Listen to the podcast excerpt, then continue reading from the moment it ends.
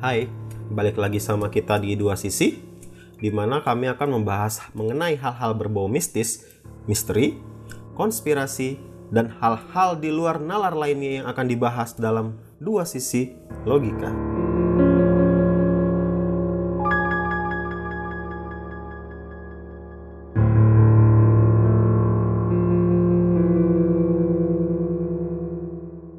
Oke, jadi malam ini kita bakal bahas hal yang cukup menarik nih, yaitu tentang mistisisme dalam tato. Jadi malam ini kita udah ada gua sendiri, Ogi, terus udah ada Bebek sama Yongki nih yang bakal bahas gitu. Nah, bakal ngulik, Ah. bakal ngulik. Iya, jadi kita bakal ngulik soal mistisisme dalam tato ini. Terus kita bahas eh, sejarahnya, terus ada point of view, sisi mistisnya gimana, dan beberapa hal-hal menarik lainnya lah nanti. Gitu. Nah, jadi eh, kita mulai dulu nih, Yongki. Yong. Yuk. Jadi gimana sih? Apa sih sebenarnya eh, tato itu? Sama gimana sih sejarahnya tato ini dalam peradaban kita? Hmm, oke. Jadi tato itu bisa dibilang kayak sebuah seni ya kalau gue bilang ya subjektif gue. Oke. Seni yang sud- seni merajah badan yang sebenarnya udah dari zaman Neolitikum lah bisa dibilang ya. Dari zaman purbakala udah ada dalam sejarah Jadul manusia. ya. Ya, Ah, malah malah bisa dibilang prasejarah malahan.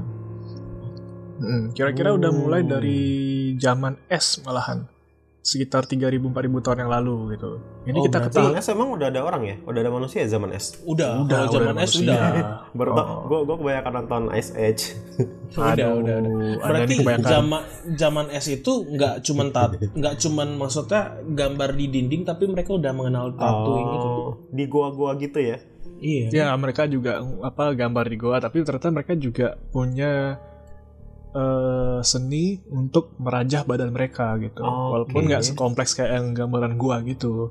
Mm-mm, Nah di sini kita bisa tahu dari ketika tahun 1991 ditemukan Mm-mm. eh, mumi yang akhirnya sama ilmuwan dikasih nama Ozzy. Nah si Ozzy ini waktu diteliti bad- eh, badannya ternyata dia punya rajahan atau tato di pergelangan tangan sama di belakang eh, tumit. Eh bukan tumit apa sih namanya? Dengkul. Dengkul. Oh, jadi Nah, di, di di bumi pun tato masih ada ya gitu, masih kelihatan gitu di badannya ya? Iya dan soalnya bad- badannya sendiri tuh dia terawatkan secara sempurna oleh es waktu itu.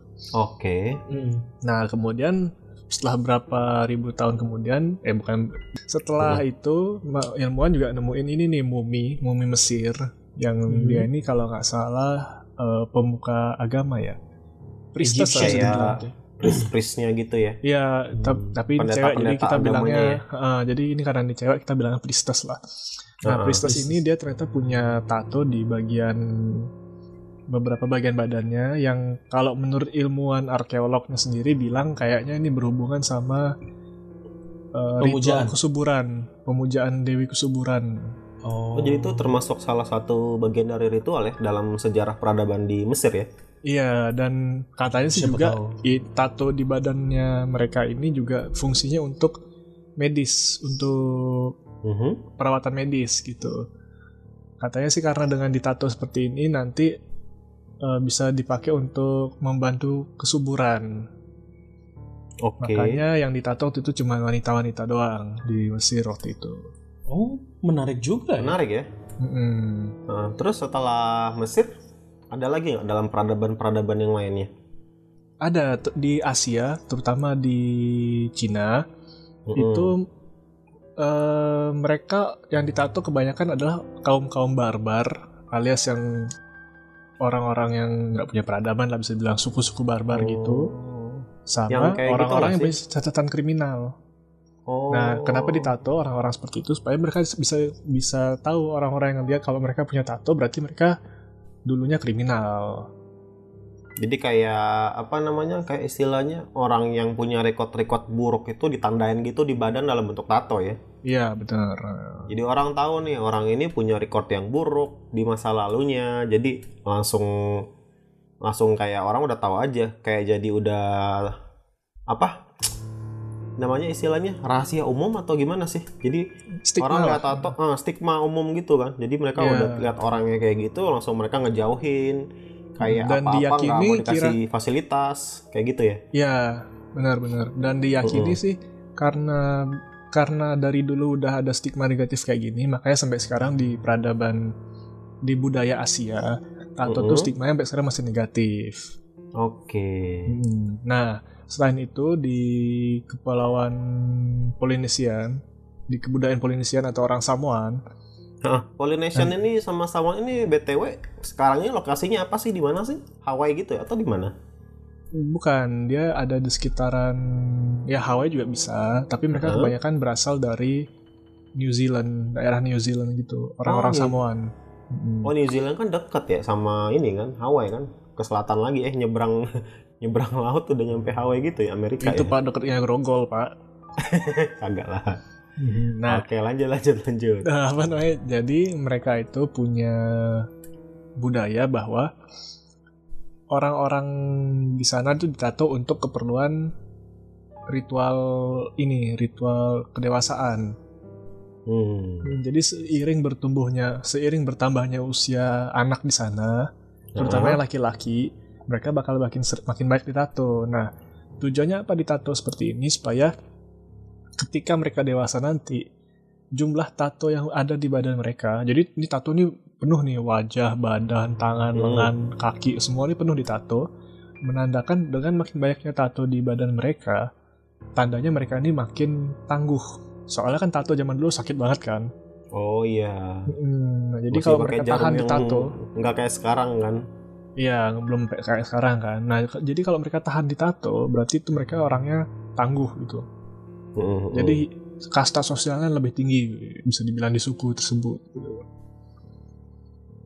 Nah, Oke. sampai di zaman sekarang bisa dibilang tato tuh masih ada stigma, stigma negatifnya. Cuman kalau untuk zaman sekarang lebih ke seni ya bisa dibilang ya. Iya. Hmm, Seni terutama semenjak ya terutama semenjak masuk 1900-an tahun 1900-an tato tuh mulai bergeser jadi bentuk karya seni lah.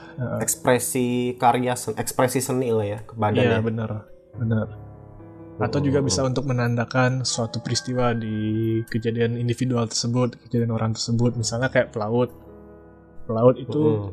Mereka suka nandain eh suka tato badan mereka jangkar untuk nandain bahwa mereka tuh seorang Ternyata pelaut. pelaut. Hmm, Iya. Dan kalau misalnya kalau pelaut misalnya pergi pernah melaut di Samudra Pasifik itu ntar tatonya beda lagi. Biasanya kalau nggak salah penyu kalau nggak salah tatonya. Hmm, itu kalau mereka ada pelaut yang tatonya penyu berarti dia pernah melaut di Samudra Pasifik. Samudra Pasifik. Seperti itu. Oke. Kayak inilah kayak buku diary gitu lah, kayak jurnal gitu, tapi di badan. Tapi dalam ini ya, dalam bentuk gambar atau simbol yang dilukis ke tubuhnya sendiri ya. Iya betul. Apalagi dengan perkembangan eh, teknologi tato yang makin berkembang kan di tahun Iya. tersebut udah mulai ada apa sih namanya mesin tatonya, udah mulai ada teknologi Iya. udah bisa untuk ini bikin ya. pigmen warna yang Pigmen aman warna, di badan. iya, iya. Ya, Oke. Nah, itu kan tadi kita recap dulu nih. Kan tadi itu udah kayak bahas apa itu tato sendiri, terus mulai dari sejarah dalam peradaban sendiri, mulai dari uh, penggunaannya di peradaban dulu di Mesir, terus udah sampai di orang Samoan tadi, sampai di peradaban yang terdekat sama kita zaman sekarang. Nah, btw eh, ada nggak sih kira-kira, maksudnya setelah yang dari tadi itu ada nggak sih budaya-budaya atau kepercayaan lainnya lagi yang bahas soal mengenai tato ini? Sebenarnya kalau kita bahas mengenai budaya-budaya dan kepercayaan-kepercayaan lain yang membahas tato itu sangat banyak. Heeh. Seper- seperti pada budaya di Timur Tengah, saya ambil Oh. contoh. Eh, pada waktu itu veteran-veteran perang Kristiani itu mereka sengaja mentato tubuhnya dengan verse-verse atau dengan kata-kata yang ada di kitab sucinya. Iya. Itu perang apa itu, Pak? Oh. Wah itu kurang tahu ya. Dia cuma mengatakan bahwa military veterans gitu loh. Hmm, Jadi- kalau soalnya kalau diurut dari sejarah kayak ini perang salib soalnya. Iya, mungkin Ya, zaman-zaman mungkin- ini, mungkin saja zaman-zaman itu. salib. Dan mereka meyakinkan bahwa ketika perang, ketika mereka kembali dan mereka menato tubuhnya dengan kutipan-kutipan yang ada di kepercayaan mereka mereka Heeh. terasa kayak hidup atau bangkit kembali gitu mereka dilahirkan kembali menjadi seorang yang berbeda gitu karena mereka sudah meyakinkan bahwa mereka sudah mengikuti perang sehabis perang mereka ditato dan juga akhirnya mereka kayak bangkit kembali menjadi seorang yang baru lah istilahnya gitu Oh, oke. ini yang gue baca ya Heeh. Hmm. Nah, Terus? terus, kalau dalam dalam kepercayaan-kepercayaan lainnya ada juga yang mengatakan bahwa kita itu nggak boleh nato karena karena kita tuh kayak bagian tubuh kita itu adalah suci gitu loh. Keti- Ketika kita tato ya kita bisa istilahnya gimana ya? Kayak merusak Kayak- ini kali, merusak image sang pencipta kali ya. ya mungkin balik lagi ke merusak image sang pencipta Mm-mm. itu sama ada beberapa kepercayaan bahwa ketika zaman dulu ditato atau apa pun itu kayak dapat menularkan penyakit gitu. Ini Iya, mungkin mungkin pada zaman pada dulu kepercayaan yang ini udah ya. zaman zaman mungkin Heeh. tahun seribuan lah ini mungkin. Iya, Soalnya mereka udah Zaman mengenal di mana belum nemuin alat-alat yang steril gitu ya. Iya, di sini soalnya mereka udah aware masalah penyakit. Habis setelah itu mereka sudah aware masalah yang namanya kayak tato itu bisa membawakan istilahnya kerusakan kulit. Ah, setelah itu ada beberapa kepercayaan hampir sama sih mengutipnya bahwa tubuh kita itu suci gitu. Tubuh kita suci dan tato itu merupakan tindakan yang berdosa.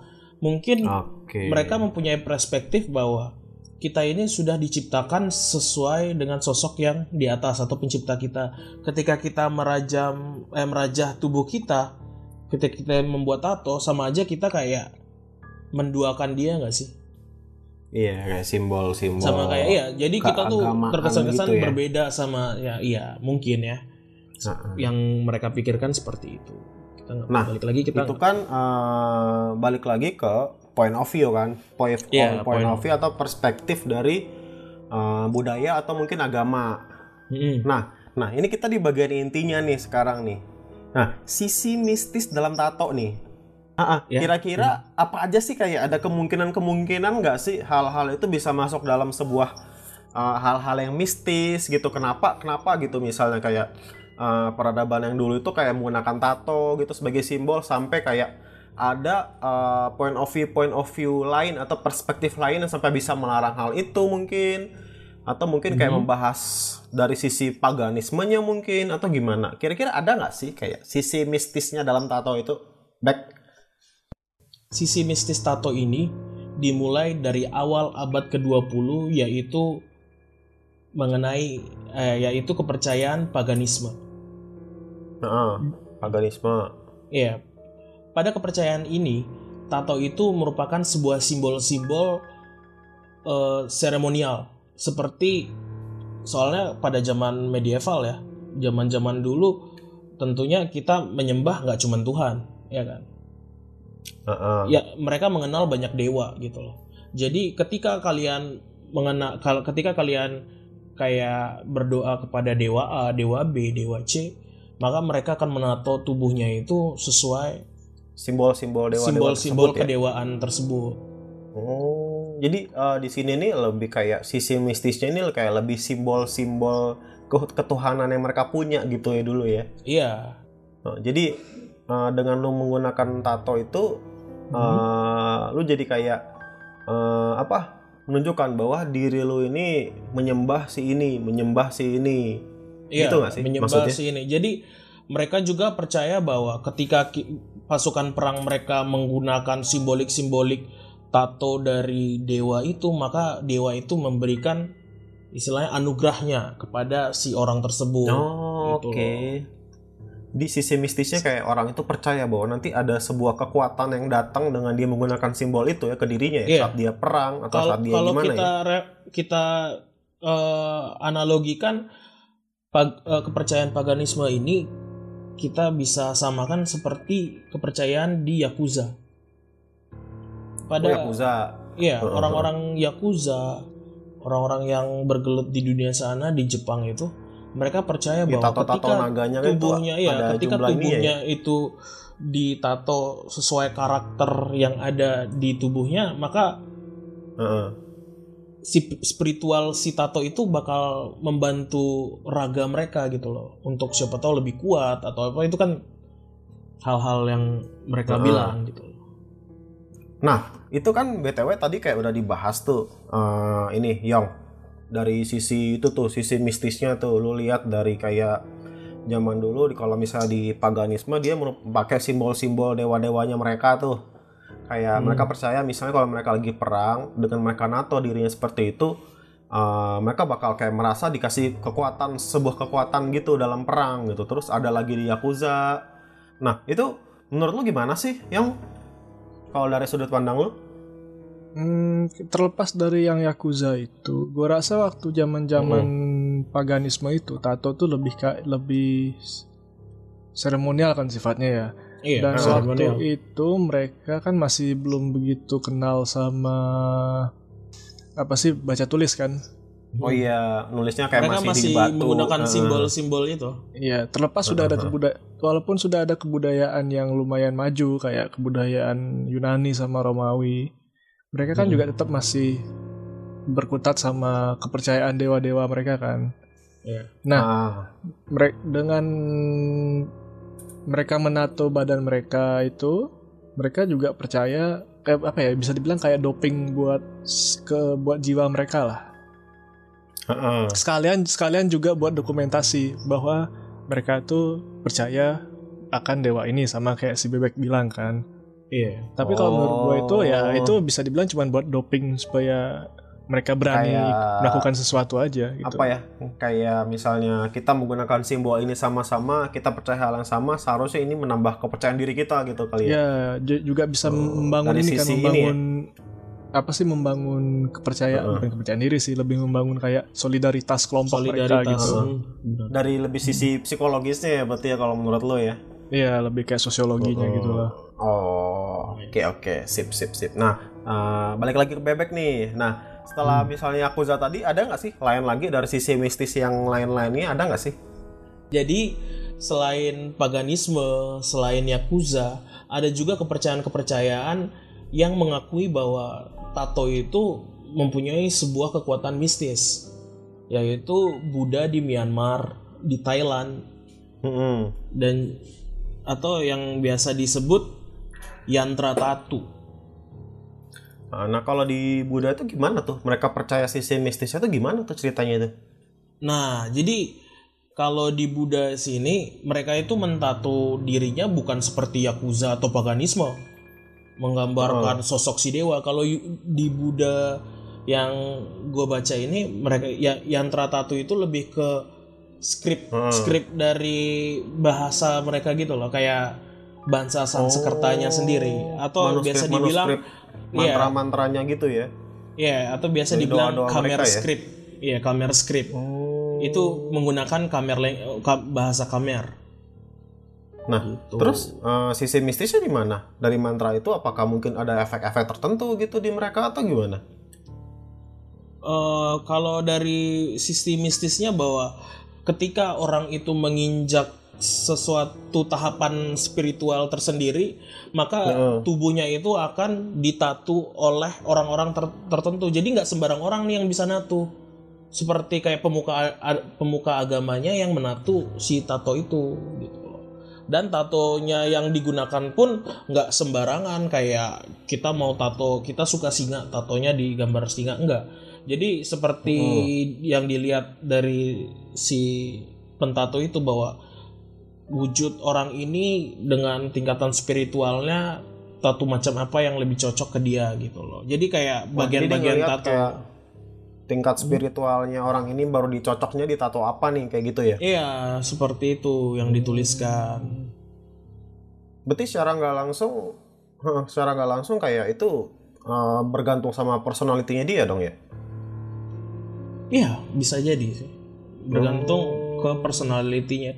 Jadi kayak ketika kita mau mencapai ke tahapan spiritual yang lain kita harus mengumpulkan dengan bantuan si tato itu jadi kayak tato itu Oke. sebagai sarana sarana sebagai sarana untuk kita mencapai atau sudah mencapai tahapan tertentu gitu Hmm, jadi malah hmm. tato di situ bawa sakral gitu loh nggak sembarangan orang itu bisa mentato dengan kamera script ini benar benar jadi ya, jadi gitu sih Oke.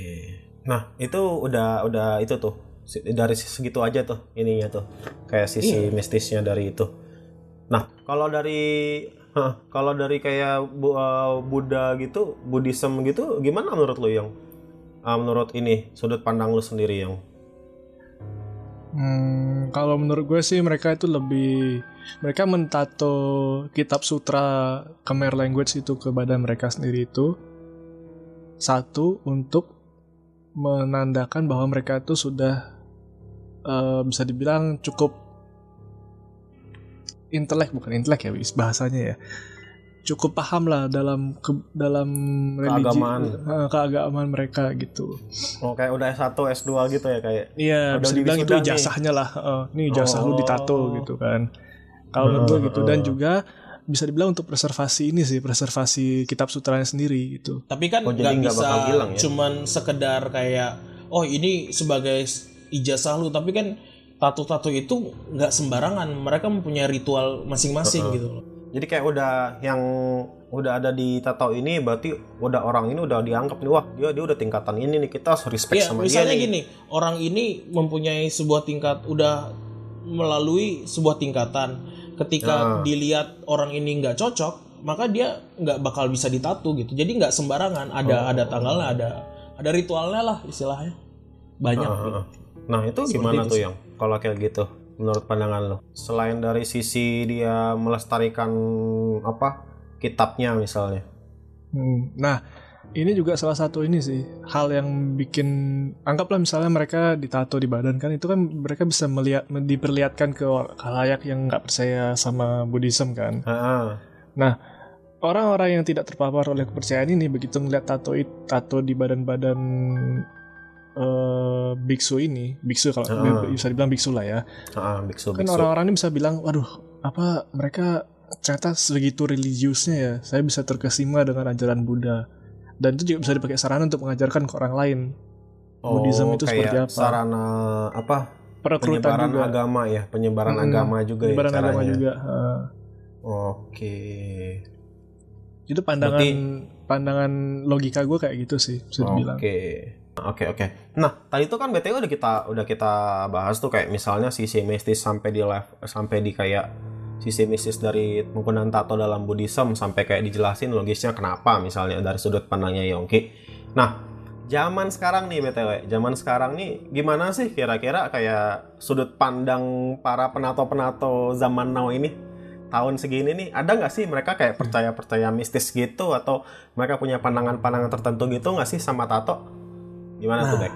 Kalau gua ini kebetulan beberapa teman gua itu adalah tato artis dan juga gua melihat Oh, punya kenalan orang nih.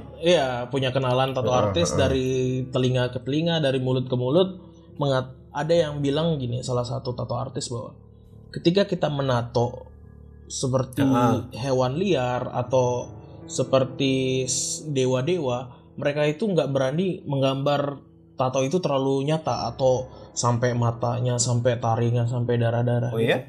karena mereka meyakini bahwa ketika tato itu di dirajah ke tubuh lu ketika sudah ada dan menjadi bagian dari tubuh lu itu Heeh. secara nggak langsung merubah sikap atau mental lu gitu. Oh, kayak tato itu kayak manifestasi Mu- gitu dalam Iya, dia. loh. ya seperti seperti itu katanya. Oh, gila, serem juga ya berarti ya. Hmm.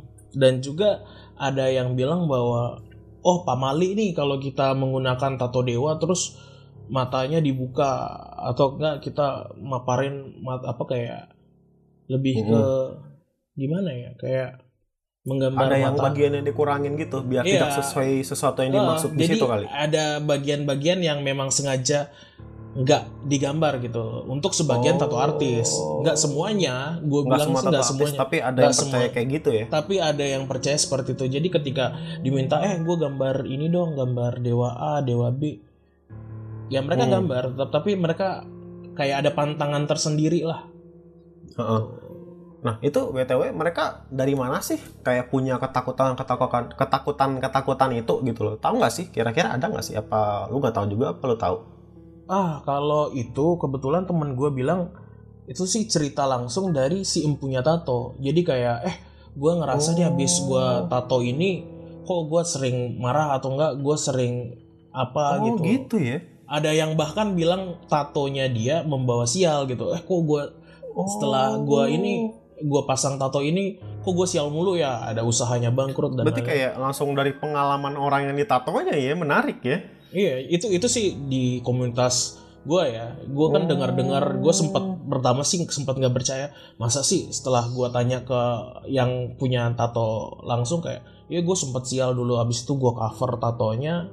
Gue lebih kayak ini ya. Iya jadi secara merasa langsung kayak merubah kepribadian Iya, sama personality-nya merubah kepribadian sama itu. Gue sih terlepas dari itu gue nggak tahu serius. Heeh, heeh, gue cuman di sini cuman menyampaikan apa yang gue dengar dan heeh. apa yang menurut gue kayak ini menarik untuk dibahas gitu oke nah itu aja sih dari situ kan kayak menarik tuh kayak Hmm. ternyata di zaman sekarang orang masih uh, memandang Percaya. bahwa ada sebuah uh, ada sebuah sisi mistis dalam tato bahkan sampai uh, hal itu di- diturunkan turun temurun kayak antar mulut ke mulut antara iya penato dari dan ternyata tato artis tato sumbernya artis itu uh, ternyata sumbernya dari orang yang ditato sendiri mengalami hal itu seperti apa gitu ya iya Nah, dari situ gimana sih sudut pandang lu pandang lu yang ke situ yang Kebetulan aja lah itu. kebetulan aja Iya. Oh. Kan biasa kalau kalau manusia yang sudah sudah masuk kayak ada sial atau ada kejadian-kejadian sesuatu Mulai dalam ini ya? hidupnya kan mulai Kayak kan tato logi. hubung-hubungin kan iya aduh Oh. habis gue tato ginian sial aduh gue habis tato ginian hoki banget gitu gue rasa sih kebetulan aja itu Nah, karena karena kayak istilahnya tato ini kan kayak lu melakukan sebuah perubahan yang besar ke tubuh gitu lah. Jadi kalau ada satu hal kecil yang mungkin berubah yang dicocok logi dibesar-besarkan gitu kali menurut lu ya. Iya, ya. Dan juga kan tato ini Oh. su- sudah bisa dibilang kayak udah lumayan lama itunya. Fungsinya sebagai selain buat seni juga sebagai buat penanda suatu hal yang terjadi sesuatu hal besar yang terjadi dalam hidupmu. Kayak apa bisa Ah, dibilang ah. tanda lah kalau kamu sudah melakukan sesuatu atau ada sesuatu yang sudah terjadi. Oke oke. Hmm, jadi Menarik kan- menarik. eh apa namanya kayak tato itu udah alih fungsi kan dari untuk ritual untuk eh, penanda bahwa dia itu seorang kriminal atau untuk keagamaan kan zaman sekarang udah mulai bergeser kan jadi sebuah Heeh. karya seni dan Karya juga seni. sebagai penanda dalam kehidupan seseorang itu ada apa gitu. betul. Kalau betul, untuk betul. yang kenapa ditato itu bisa bikin sial atau bisa bikin cuan atau bisa bikin apa, gue rasa sih kebetulan aja itu. Oh, ya itu kan semua dari- cerita iya. dari Dari dari, pengalaman langsung masing-masing Iya. lah ya.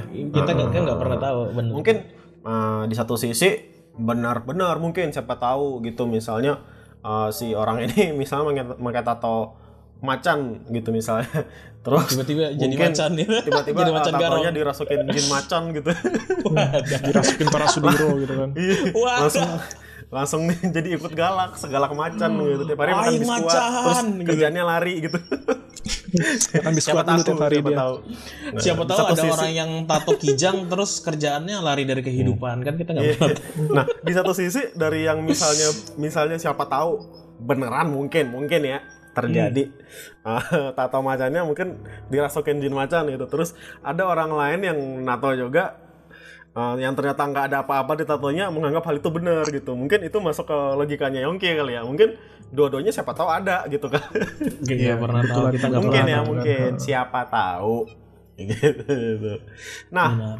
Tadi itu kan udah cukup menarik tuh. Kita udah mulai banyak bahas eh, apa teori-teorinya tato lah. Kayak apa Hmm. itu tato, sejarahnya, terus point of view dari budaya sama mungkin agama juga ada beberapa. Terus udah ada sisi mistisnya, kita udah jelasin sisi mistisnya bahkan sisi logisnya.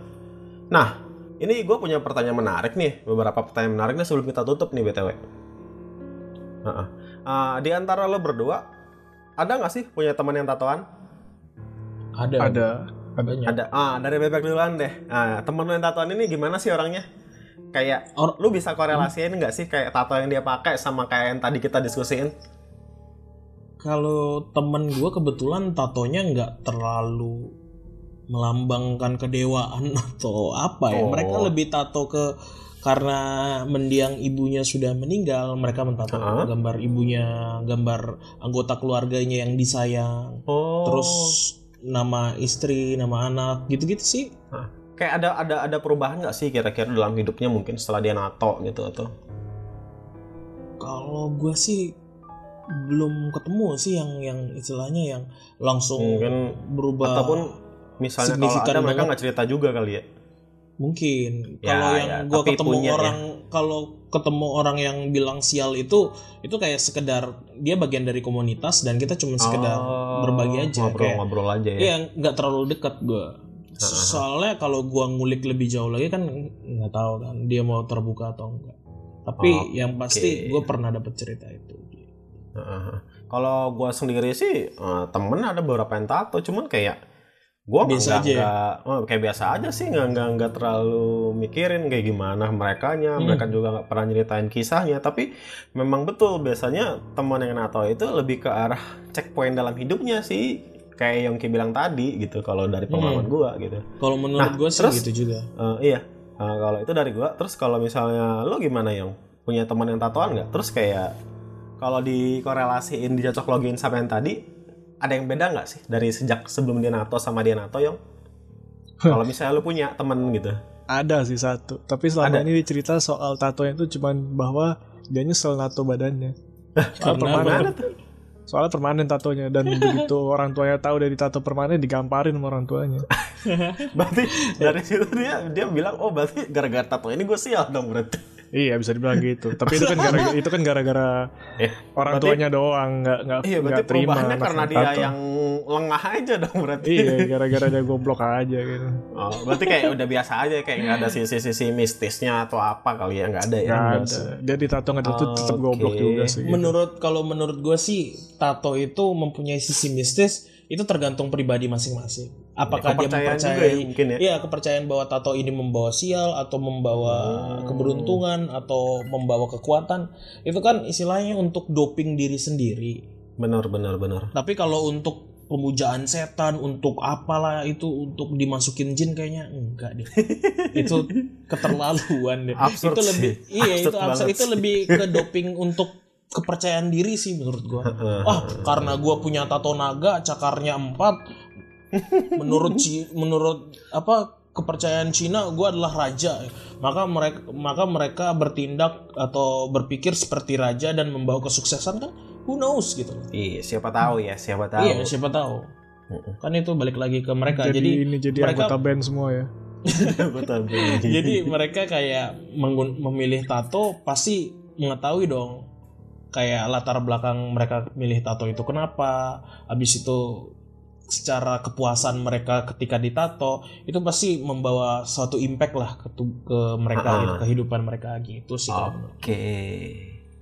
Nah, tadi kan udah tuh kita bahas ternyata oh, punya teman masing-masing ada tato dan ternyata ya kayak gitu-gitu aja ya berarti ya.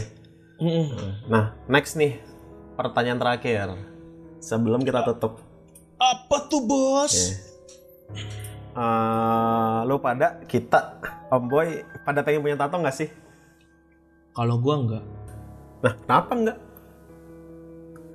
karena gua takut jarum enggak enggak enggak Takut Karena- jarum? enggak enggak karena gue ngerasa bahwa gue nggak mau mengotori tubuh gue aja gitu dan gue nggak nggak Oh. terlalu tertarik sama tato Oke. maksudnya tato itu seni bagus gitu tapi kalau untuk apply ke tubuh gue sendiri enggak deh kalau gue Enggak ya. Karena kayak itu peristiwa yang bisa menjadi sebuah kebanggaan sama bisa menjadi sebuah penyesalan ya. Gue mah bangga karena prestasi gue bukan karena tato gue Asik. Terus yang ini gimana? Pengen nggak punya tato?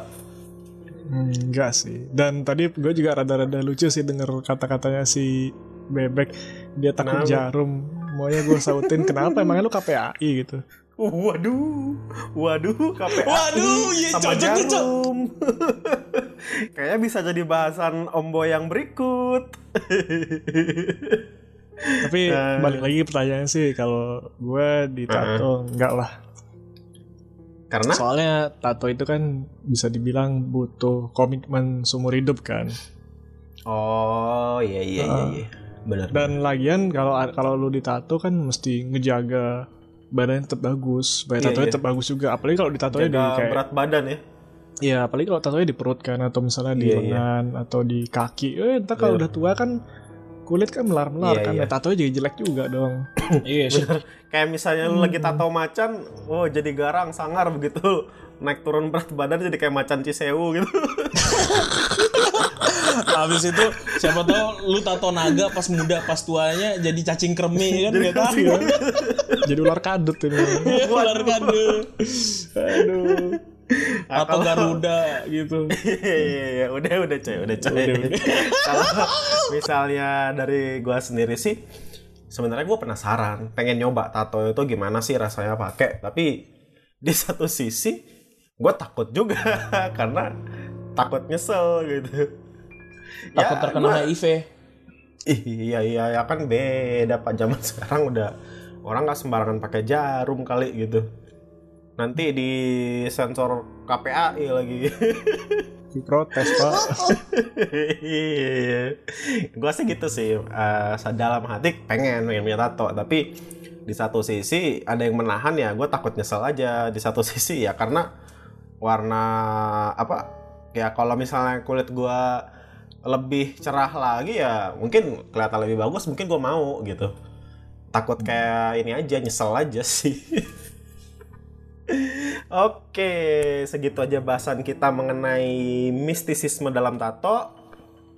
Cukup menarik karena kita bahas secara dalam, kita ngulik secara dalam mulai dari sejarah, peradaban, terus point of view-nya, terus sisi mistisnya, sisi logisnya, sampai ke personality orang yang pakai tato dan ternyata cukup menarik ya.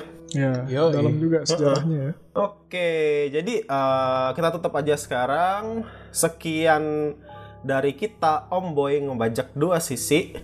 Jangan lupa dengerin dua sisi logika dan jangan lupa dengerin Om Boy juga di channel kita. Thank you udah dengerin. Bye bye. See you next time.